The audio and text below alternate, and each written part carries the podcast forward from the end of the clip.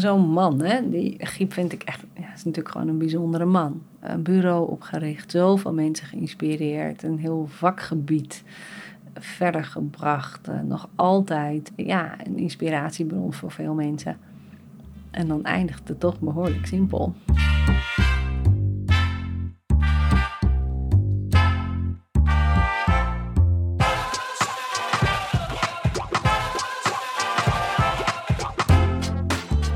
Je luistert naar Giep, een Airborne Original podcast over een van de meest markante reclamemakers die ons land ooit heeft gekend. De grondlegger van een compleet nieuwe industrie die nog tot op de dag van vandaag voortbouwt op zijn gedachtegoed. Mijn naam is Lisbeth Rasker.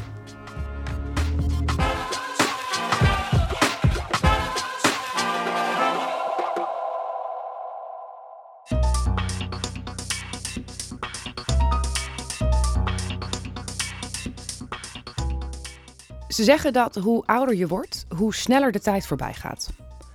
We zijn inmiddels goed op weg in het nieuwe millennium en Giep is de 80 gepasseerd. Voor hem gaat de tijd misschien wel steeds sneller, maar de tijden veranderen ook echt heel snel.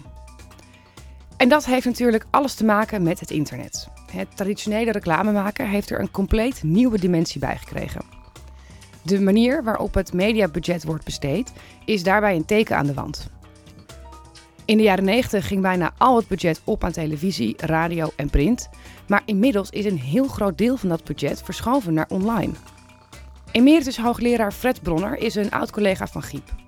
Hij deed in 2005 onderzoek en legt uit hoe moeilijk het is om de toekomst van dit vak te zien. Dan moesten we een soort voorspelling doen op basis van de literatuur. Hoeveel procent van het uh, reclamegeld uh, naar internet zou gaan in 2020, geloof ik was het. Nou ja, dat, het was waarschijnlijk in 2020 iets van 50%. Maar dat hebben we toen lang niet voorspeld hoor. Dan was, was de schatting van 25, 30% was al bijna iets waarvan je dacht, nou, dat, dat, eigenlijk kunnen we het nauwelijks geloven. in de toekomst kijken is lastig, maar uh, de, de, de, beste schattingen halen het niet bij wat het nu geworden is. Ik weet niet hoeveel precies het nu is van uh, wat er aan reclame wordt uitgegeven. Maar volgens mij is het al boven de 50% Nou, dat had niemand uh, gedacht natuurlijk. Deze nieuwe tijd vraagt om een aanpassingsvermogen van de traditionele reclamebureaus. Oude denkbeelden worden namelijk flink op de proef gesteld. Giep bepleitte bijvoorbeeld dat voor merken herhaling essentieel is, zodat consumenten een merk onthouden en er een voorkeur voor ontwikkelen. Maar hoe werkt dat precies als digitale media ineens dominant worden? Werkt het dan nog wel? Veel net opgerichte bureaus storten zich op de digitale media en gaan op nieuwe manieren reclame maken. Tegelijkertijd vallen er ook heel veel andere bureaus juist af, waaronder FAV. Toen de FAV verdween, was dat nog niet echt zo schokkend, omdat dat ook in een fase was dat die hele reclamewereld aan het veranderen was. Wilbert Schreurs is reclamehistoricus. En je zag overal nieuwe bureautjes opkomen, die vaak ook op een andere basis werkten. En eh, die vaak ook een meer uitgeklede vorm van service hadden. Waardoor ze goedkoper waren voor de klanten. En binnen dat concurrentieveld is FAV blijkbaar niet meegekomen. Maar als je kijkt naar de geschiedenis van de reclamebureaus in Nederland, is het verdwijnen van bureaunamen is gewoon, dat zie je overal terug. Er zijn maar heel weinig uh, reclamebureaus die echt uh, de tand destijds hebben doorstaan. Moederbedrijf BBDO dwingt alle aandeelhouders van FAV om hun aandelen te koop aan te bieden. En in 2018 vervalt de naam FAV. BBDO blijft bestaan, maar van de vorm en de visie van Weleer is dan weinig meer over. Andy Mosmans werkte lange tijd bij FAV. Hij ziet het allemaal met leden ogen aan. En BBDO had helemaal niet zoveel belang bij die groep. Die wilde gewoon ook in Amsterdam een vestiging hebben. En die bestaat een beetje nog. Maar dat hele verhaal van ons boeide hun eigenlijk niet zoveel. Dus uiteindelijk hebben zij ook heel weinig recht gedaan aan toch ook de originele gedachte van Giep.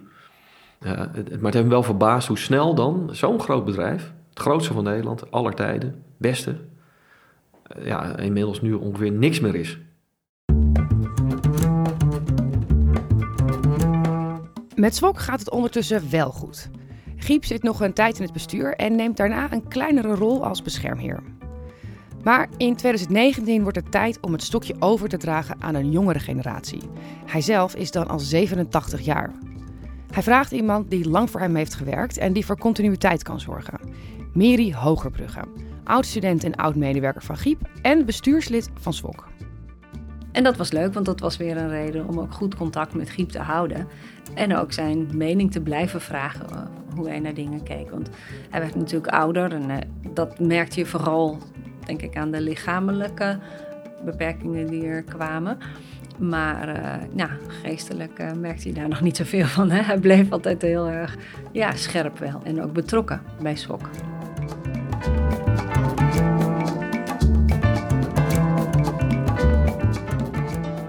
Is eindelijk een soort van met pensioen.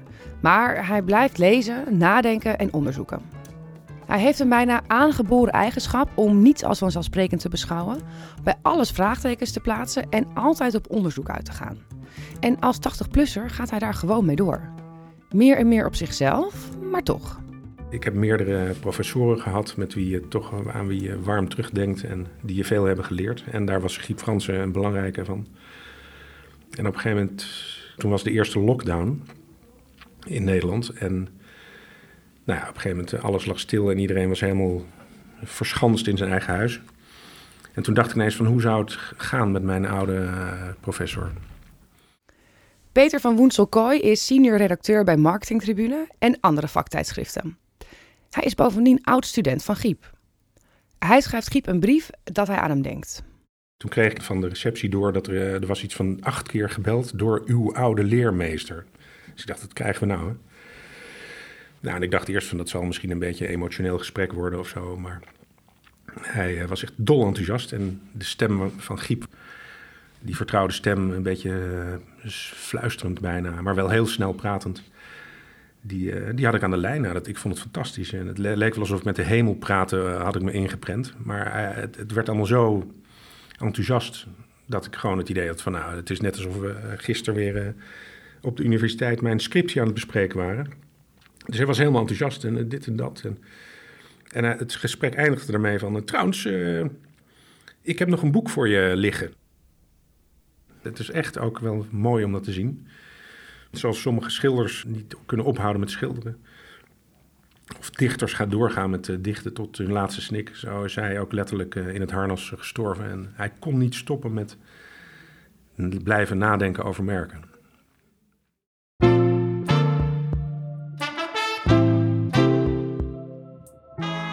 Ook Mary krijgt te horen van Giep dat hij bezig is met een boek over merken. De titel? Brander. Ze zeiden, ja, ik wil je wat vragen, want ik ben de chroniek van het merk aan het schrijven. Van hoe heeft dat merk zich nou door de eeuwen heen eigenlijk ontwikkeld? Dus ergens tot, ja, ergens in de jaren tachtig uh, beschrijft Giep het chroniek van het merk. En toen Giep dacht, nou, nu ben ik wel klaar, vond hij het belangrijk om het door Swok te laten publiceren. En toen kreeg ik inderdaad het manuscript van uh, de oerversie van Brander in mijn mail. Nou, toen, paar dagen later, was alweer acht keer gebeld van heb je het al gelezen? En, en nou ja, goed, ik vond het wel heel uh, eervol en ja, fantastisch eigenlijk. Toen ben ik samen met Mary daar naartoe gegaan. En toen kwam Giet net terug uit Terschelling. Hij, had, hij bewoog zich wat moeilijker voort, maar hij was met een soort begeleidingsdame die voor hem zorgde daar geweest. Hij straalde helemaal, hij had taart meegenomen. Nou ja, en hij zat daar uh, achter zijn bureau met de telefoon. Uh, nou ja, de, de, de kapitein was helemaal in zijn element. En toen hebben we dus besproken uh, van, joh, wat doen we hiermee? Goede vraag, want het is à la Giep geschreven. Met heel veel aanknopingspunten en informatie die overal vandaan is gehaald. In totaal telt het 19 hoofdstukken. Dus het is een merkchroniek die eigenlijk teruggaat in de tijd en echt helemaal tot de prehistorie teruggaat van waar, wat is nou het eerste merk? Ja, en dan, dan ziet hij, heeft hij een paard ergens ontdekt in een grot met een uh, brandmerk of wat dan ook. En, en, en, tekens van de eerste boeren die hun, hun uh, stukje grond merkten. En hieroglyphen. Dingen uit Babylonië. Uh, de eerste munten, wat staat er nou op die munten? Dat is ook een merkteken. Nou, dat, daar gaat hij dus helemaal naar terug. Ik vond het zelf ontzettend leuk. En, uh... en toen zijn Peter uh, en ik samen naar uh, Giep toegegaan om te bespreken met elkaar in welke vorm we dat zouden kunnen gieten en hoe we, hoe we dat allemaal bij elkaar zouden kunnen brengen. Um, nou, dat was hartstikke leuk. Peter had taart meegenomen en Giep was blij met bezoek. Die begon zich weer een beetje beter te voelen. Uh, want het overlijden van zijn vrouw had best wel veel impact gehad, maar hij voelde zich langzaam weer nou, kreeg je weer een beetje benen onder zijn lijf. Ja, nou, dat was de laatste keer dat ik hem heb gezien. Want uh, niet lang daarna, drie weken later, is hij uh, overleden.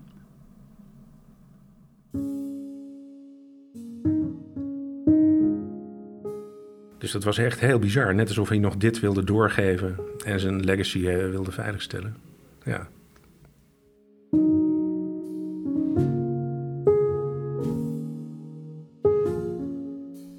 Ook Andy Mosmans ziet Giep nog in zijn laatste dagen.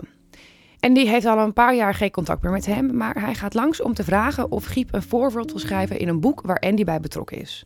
Het gaat over de Nederlandse reclamewereld en heet Dutch Madmen. Nou, ik met de, dat document onder mijn arm naar Giep uh, toe, uh, aan de Bosrand in Laren. En ik wist echt niet hoe het met hem was. Want ik, uh, misschien had ik van tevoren al Mary gebeld, ik weet niet Op 88-jarige leeftijd wordt Giep nog steeds gevraagd om zijn visie te geven. De verzorgsters van Giep maken zich wel een beetje zorgen of hij dat bezoek aan kan. Maar ze staan er toe.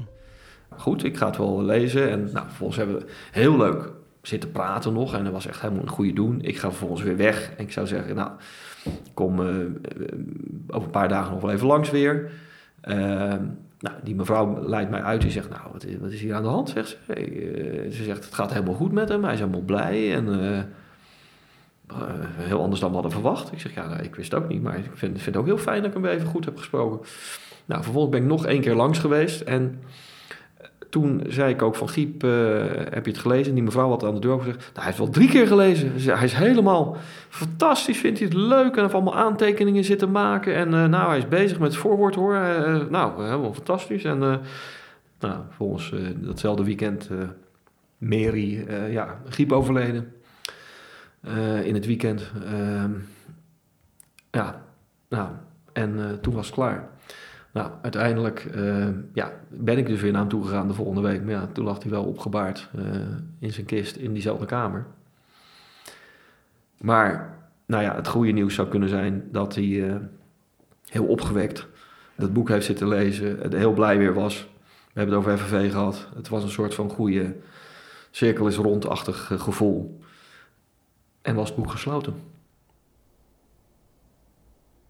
Toen Griep overleed, toen zag je ook wel weer een beetje het bijzondere aan FHV loskomen. Hè? Dus oud-collega's die elkaar onmiddellijk vonden. Van, oh, uh, jeetje, Giep is overleden. Ja, wat gaan we doen? Hè? Hoe kunnen we laten ja, zien, merken dat we meeleven? Uh, uh, familie, hoe staan die? De oud-medewerkers van FHV plaatsten ter ere van Giep een advertentie in de krant... zoals ze vroeger ook deden om nieuwe klanten aan te kondigen. We gaan niet de hele advertentie laten horen, want die was een hele pagina. Maar hier wat highlights. In 1962 richtte Giep Fransen samen met Nico Heij en Martin Veldman het reclamebureau op dat later beroemd zou worden onder de naam FHV BBDO. Na Heij en Veldman is Giep Fransen vrijdag 23 oktober op 88-jarige leeftijd overleden. Hiermee is een belangrijk hoofdstuk uit de geschiedenis van de Nederlandse reclamewereld afgesloten.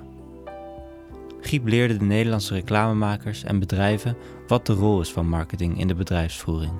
Dat het merk een van de meest waardevolle attributen is van de ondernemer om succesvol te zijn en dat je dat merk moet koesteren. Hij leerde dat reclame echt werkt als de consument er positieve associaties bij heeft en er betekenis aan hecht. Hij werd dan ook de eerste bijzonder hoogleraar commerciële communicatie aan de UvA. Giep Franzen maakte van het merk zijn levenswerk. Wij herinneren hem als een bescheiden, erudite, bevlogen en enthousiaste vakprofessional, een aimabele man die door zijn integere en dienende persoonlijkheid van onuitwisbare betekenis is geweest voor de Nederlandse reclamewereld. Was getekend alle oud-medewerkers van FHW BBDO. En Giep zag niet zoveel mensen. Heeft geen kinderen, had geen kinderen. Uh, familie had hij wel, maar daar had hij geen goede band mee. Mensen die uiteindelijk zijn crematie hebben geleverd, waren, was het echtpaar wat zijn hond hadden geleverd. Giep had eigenlijk heel weinig vrienden. Was heel erg alleen met zijn vrouw, toenmalig. Dus heel erg eigenheim eigenlijk natuurlijk. Heel erg op zichzelf. Deed hij ook niet zoveel.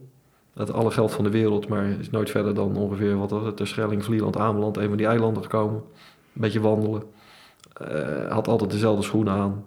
Tot op het eind was hij gekleed zoals ik hem altijd kende, een beetje armoedig. Zo is hij ook heen gegaan.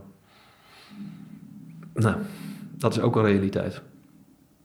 Maar dus de grootste merkmens aller tijden van Nederland was ook ja, een hele gewone, een beetje op zichzelf staande, een beetje nukkige, maar ook aardige, heel gevoelige man. Ik vond het wel heel bijzonder dat je denkt, zo'n man, hè, die is natuurlijk gewoon een bijzondere man. Een, uh, een bureau opgericht, zoveel mensen geïnspireerd, een heel vakgebied verder gebracht. Uh, nog altijd uh, ja, een inspiratiebron voor veel mensen. En dan eindigt het toch behoorlijk simpel. Ja, ik vond het wel heftig. Ja. Er was wel nog een mooi initiatief daarna. Als je dan iets wilde doen, dat je een bijdrage kon leveren aan een houten bankje. Want Giep en Rieneke waren dol op de heide, waar ze vlakbij woonden. en dan zou daar een bankje neergezet worden met een bordje erop ter nagedachtenis aan Giep en Rieneke. Toen is dat bankje daar geplaatst en toen hebben we daar nog een glaasje champagne gedronken op Giep. En uh, ja, dat was het dan.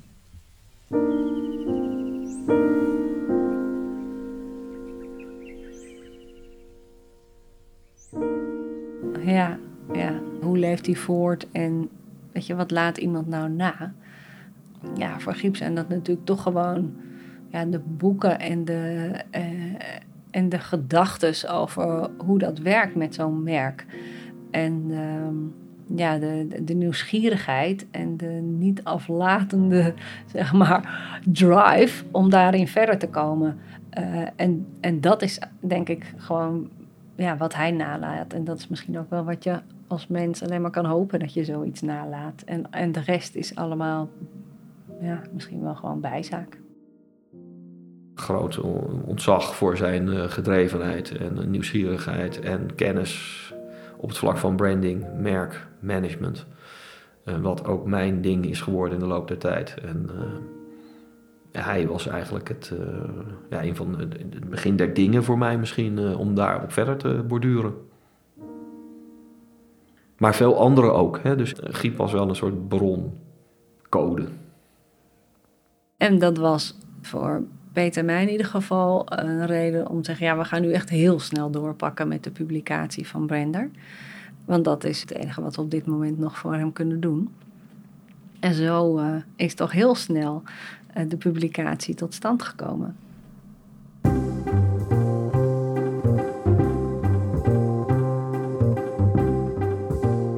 Uiteindelijk beslissen Peter en Mary om Brander online te publiceren.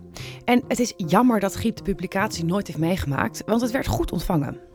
En wat mij wel uh, eigenlijk verraste was dat het, uh, terwijl het best theoretisch is en wetenschappelijk, dat we een enorme klikhits bleken te zijn. Dus de eerste editie was geloof ik iets van 16.000 keer uh, aangeklikt. Wat voor een vakmedium, als je kijkt naar het aantal marketeers en merkdenkers in Nederland, is dat erg veel. En je zag ook dat in de loop van de tijd, dus na een maand, dat eh, er nog steeds op deel 1 heel veel werd geklikt. Dus het werd veel gedeeld, ook op universiteiten, denk ik, door studenten, marketing, op hogescholen, binnen het vak. Nou ja, maar deel 2, dat ging weer 10.000, 20.000. Dat ging maar door tot en met deel 19. Nou ja, reken maar uit uh, hoeveel het totaal is. Dat vond ik heel uh, leuk en mooi om te zien dat zijn gedachtegoed nog zo goed leeft. Het is nooit compleet, eh, de, de kennis, en die gaat altijd door, de kennisverwerving. Maar Giep heeft dat neergezet op zijn manier. En dat, was, dat kwam op precies het goede moment. Het is nooit compleet. Echt een gedachte van Giep. En ook iets dat hij heeft meegegeven aan zijn oud-studenten. Sok is inmiddels bezig om het werk van Giep uit te breiden met een nieuw hoofdstuk over het merk Anonu. Het merkdenken van Giep blijkt nog altijd relevant. Dat een merk een langetermijnstrategie nodig heeft om sterk te worden. Dat een merk maatschappelijke waarde kan hebben. Het zijn allemaal inzichten waarvoor Giep het fundament legde. Ja, dat, dat gedachtegoed zie je wel heel veel om je heen. En dan soms hoor je ineens van, hé, hey, ik heb ook uh, bij Giep gestudeerd. Ook als je nu ziet, zeg maar, wie hè, de leerlingen van Giep... of de mensen die door hem zijn geïnspireerd... of die iets van het merk denken en die hele bewijsvoering hebben uh, tot zich genomen. Als je kijkt naar het SWOK, hè, als je ziet wie daar lid zijn... waar de mensen die zijn aangesloten nu werken... ja, dat zijn, uh, die hebben belangrijke functies en enorme budgetten... Hè, en een bepaalde integere, denk ik, uh, kijk op het, op het vak. Ja, dan is het absoluut geen, geen vies vak meer waar je in de jaren zeventig, waar mensen zich soms voor schaamden.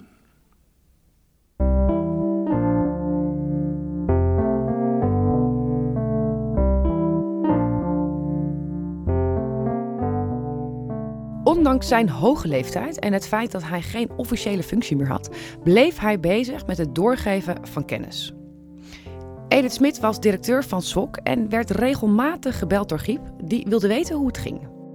Hij was toen wel heel erg bezig met, met wat SWOK heeft betekend en wat uh, dat de huidige generatie niet goed meer wist wat er 25 jaar geleden was en hoe belangrijk dat was om de geschiedenis levendig te houden. Dus ook de geschiedenis van, uh, van SWOK, maar ook van FHV en ook van andere grote merken. Daar had hij allemaal voorbeelden van. Hoe belangrijk het is ook om die heritage, om, dat, je, dat weet. Dat de moderne jeugd dat allemaal niet zo goed meer weet. En dat, je, maar dat, dat, dat dat een functie voor mij was en voor Mary en voor anderen om, om dat levendig te houden. Dat vond hij heel belangrijk. De zeven reclamewerkingsmodellen van Giep zijn hiervan een goed voorbeeld. Hij schreef ze voor een deel samen met Mary Hogebrugge, die het er al eerder over had in aflevering 4. De modellen beschrijven wat er bij consumenten moet gebeuren nadat ze een reclame hebben gezien. Rennen ze gelijk naar de winkel om product te kopen omdat het in de aanbieding is, dan zit je met je reclame in het sales response model. Gaan ze een bepaald merk koffie kopen omdat ze het associëren met een emotie, dan zit je reclame in het emotiemodel. En deze modellen zijn inmiddels onmisbaar in de reclamewereld. Die modellen, daar heeft uh, Giep misschien wel het meest bekendheid nog mee gekregen. Dat zijn gewoon hele mooie tools gebleken die zowel de praktijk heel erg boeiden, want het was een manier om explicieter te maken wat eigenlijk impliciet altijd een beetje de veronderstelling was, of die, die mensen voor zichzelf hadden. Uh, maar ook de wetenschap vond het een hele mooie, ja, mooie ontdekking. Want er is nog jarenlang vervolgonderzoek op gedaan. En uh, het zou me niet verbazen als er nog steeds mensen af en toe ja, dat onderwerp oppakken om daar weer op verder te ontwikkelen. Maar het is natuurlijk ook iets waar ik later zelf met Jeroen de Bakker nog op door ben gegaan. Om te kijken van, ja, die modellen zijn ontwikkeld echt op eigenlijk wel televisiereclame. Maar hoe verhouden ze zich nu tot een meer digitale wereld? En merken die niet alleen maar hun boodschap via een tv-commercial vertellen, maar merken die veel meer ook natuurlijk dingen doen om mensen bij, uh, bij hun verhaal te betrekken. En met doen bedoel ik ja, activaties, maar misschien ook online. Kun je um, dagelijks uh, met mensen ook echt interactie hebben. Dus dan kan zo'n relatie natuurlijk ook hele andere vormen aannemen. Dus dat is het interessante van de digitalisering die daarna is gekomen. Dat het eigenlijk die modellen nog veel meer heeft verrijkt. Maar ja, um, wat mij betreft zijn de modellen nog steeds relevant. Dat is ook wel heel leuk om te zien. Gedachtegoed. Misschien is dat wel een van de belangrijkste dingen die je als mens achter kunt laten. Want het leven eindigt, maar invloed is tijdloos. En in zijn nalatenschap is Giep nog altijd springlevend. Hier is Wilbert Schreurs. Giep heeft denk ik de reclamewereld meegegeven het besef dat je je eigen professie serieus moet nemen. Hij heeft er altijd op gehamerd dat uh, reclame meer was dan alleen maar uh, een speelveld om grappige filmpjes te maken of uh, leuke advertenties of een keer iets in de uitverkoop te doen. Maar hij heeft het op analytische en wetenschappelijke basis willen onderbouwen. En heeft ook steeds duidelijk willen maken dat het de moeite waard was en verantwoord was om daarin te investeren, omdat je daar het rendement terugziet in je resultaat. Als je goed beslagen ten ijs komt en je hebt je zaken eh, als merk en als bedrijf goed voor elkaar, dan werkt dat ook beter. En dat heeft hij natuurlijk eerst gedaan met, met het bureau. En dat heeft hij later gedaan als bijzonder hoogleraar en met alle boeken en artikelen die hij geschreven heeft. Hij heeft eigenlijk altijd dat reclame serieus nemen, dat was in mijn ogen eigenlijk het pleidooi wat hij altijd gevoerd heeft.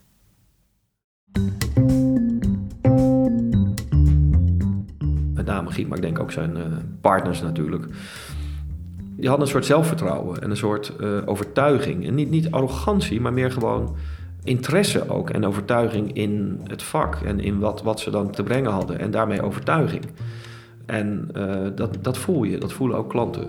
dat, dat er mensen binnenkomen die niet ja, puur voor het geld of maar een beetje aanrommelen, maar echt overtuiging binnenbrengen en daarmee uh, effect zullen sorteren in alles. Hans Klok werkte 20 jaar bij FAV, in de glorietijd van het bureau. Wat ik heb willen benadrukken is dat eh, Giep die, die heeft iets betekend in de wereld. En dat is natuurlijk toch heel bijzonder als je met zo iemand, voor zo iemand kunt werken en met iemand samen kunt werken. Hij heeft altijd de creatieve mensen verdedigd die vaak de meest kwetsbare positie in het hele spel hebben. Hè? Ik bedoel, wij commerciële jongens zijn allemaal vlot gebekt en uh, strak in het pak en uh, proberen indruk te maken. En, Giep had nooit van dat soort dingen. Die, uh, maar hij dwong gewoon respect af. Dat Giep het vak heeft geprofessionaliseerd is duidelijk. Maar daarnaast heeft hij talloze oud-FAV'ers en studenten verder geholpen. Al dan niet bewust dat gevoel dat iemand je ongelooflijk inspireert en tegelijkertijd absoluut je gelijkwaardig is. Dat is een, hele wonderlijke mengeling die ik voor hem en na hem nooit meer heb, heb meegemaakt. Altijd die combinatie van en gelijkwaardigheid en respect. Dat maak je niet zo dikwijls mee in je leven.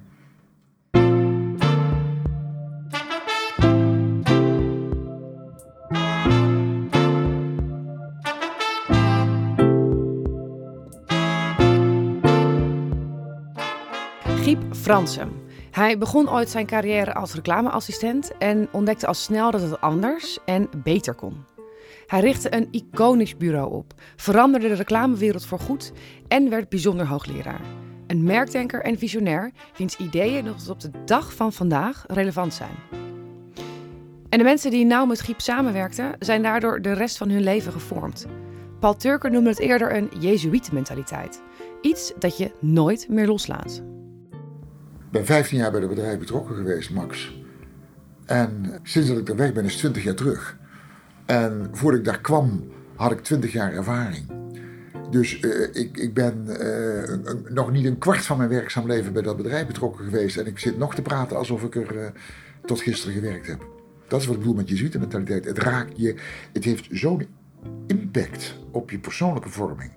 Op je, de manier waarop je naar de wereld kijkt dit is een stallucht die je nooit meer kwijtraakt. Dus als jij nou diep snuift, dan moet je, dan moet je ruiken wat het is. Dus, dus uh, dat, dat ervaar jij nu hier. Die stallucht hangt eromheen en die raak je van zijn leven niet meer kwijt, hoe goed je ook schrobt.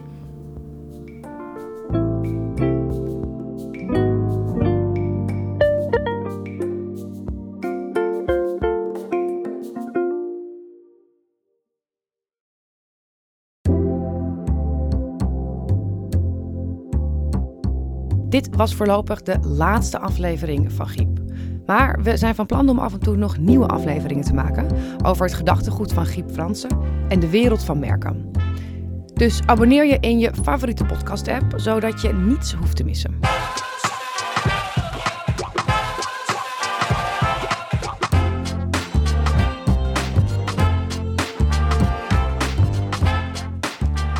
Giep is gemaakt door audio agency Airborne samen met SWOC, Stichting Wetenschappelijk Onderzoek Commerciële Communicatie. Deze serie is mede mogelijk gemaakt door Adformatie en ACE, Family of Leading Agencies. En deze aflevering is uitgebracht ter gelegenheid van het opnieuw publiceren van Brander. Een SWOC-publicatie in de vorm van een rood boekje. Precies zoals Giep graag wilde. Het idee en concept van Giep zijn bedacht door Jeroen de Bakker en Marvin Jacobs. Research, interviews, scripts en eindredactie door Aniek C. Productiemanagement Maaike Luijer. Originele muziek, montage en mixage Sam van Ommen. Andere muziek is van KPM Music, Blue Dot Sessions en Pont 5. En ook heel erg veel dank aan iedereen die belangeloos heeft meegewerkt aan de interviews. Extra veel dank voor Wilbert Schreurs, die talloze vragen achteraf heeft beantwoord en ondersteund met archiefmateriaal. Mijn naam is Liesbeth Rasker en dit was Giep. Bedankt voor het luisteren.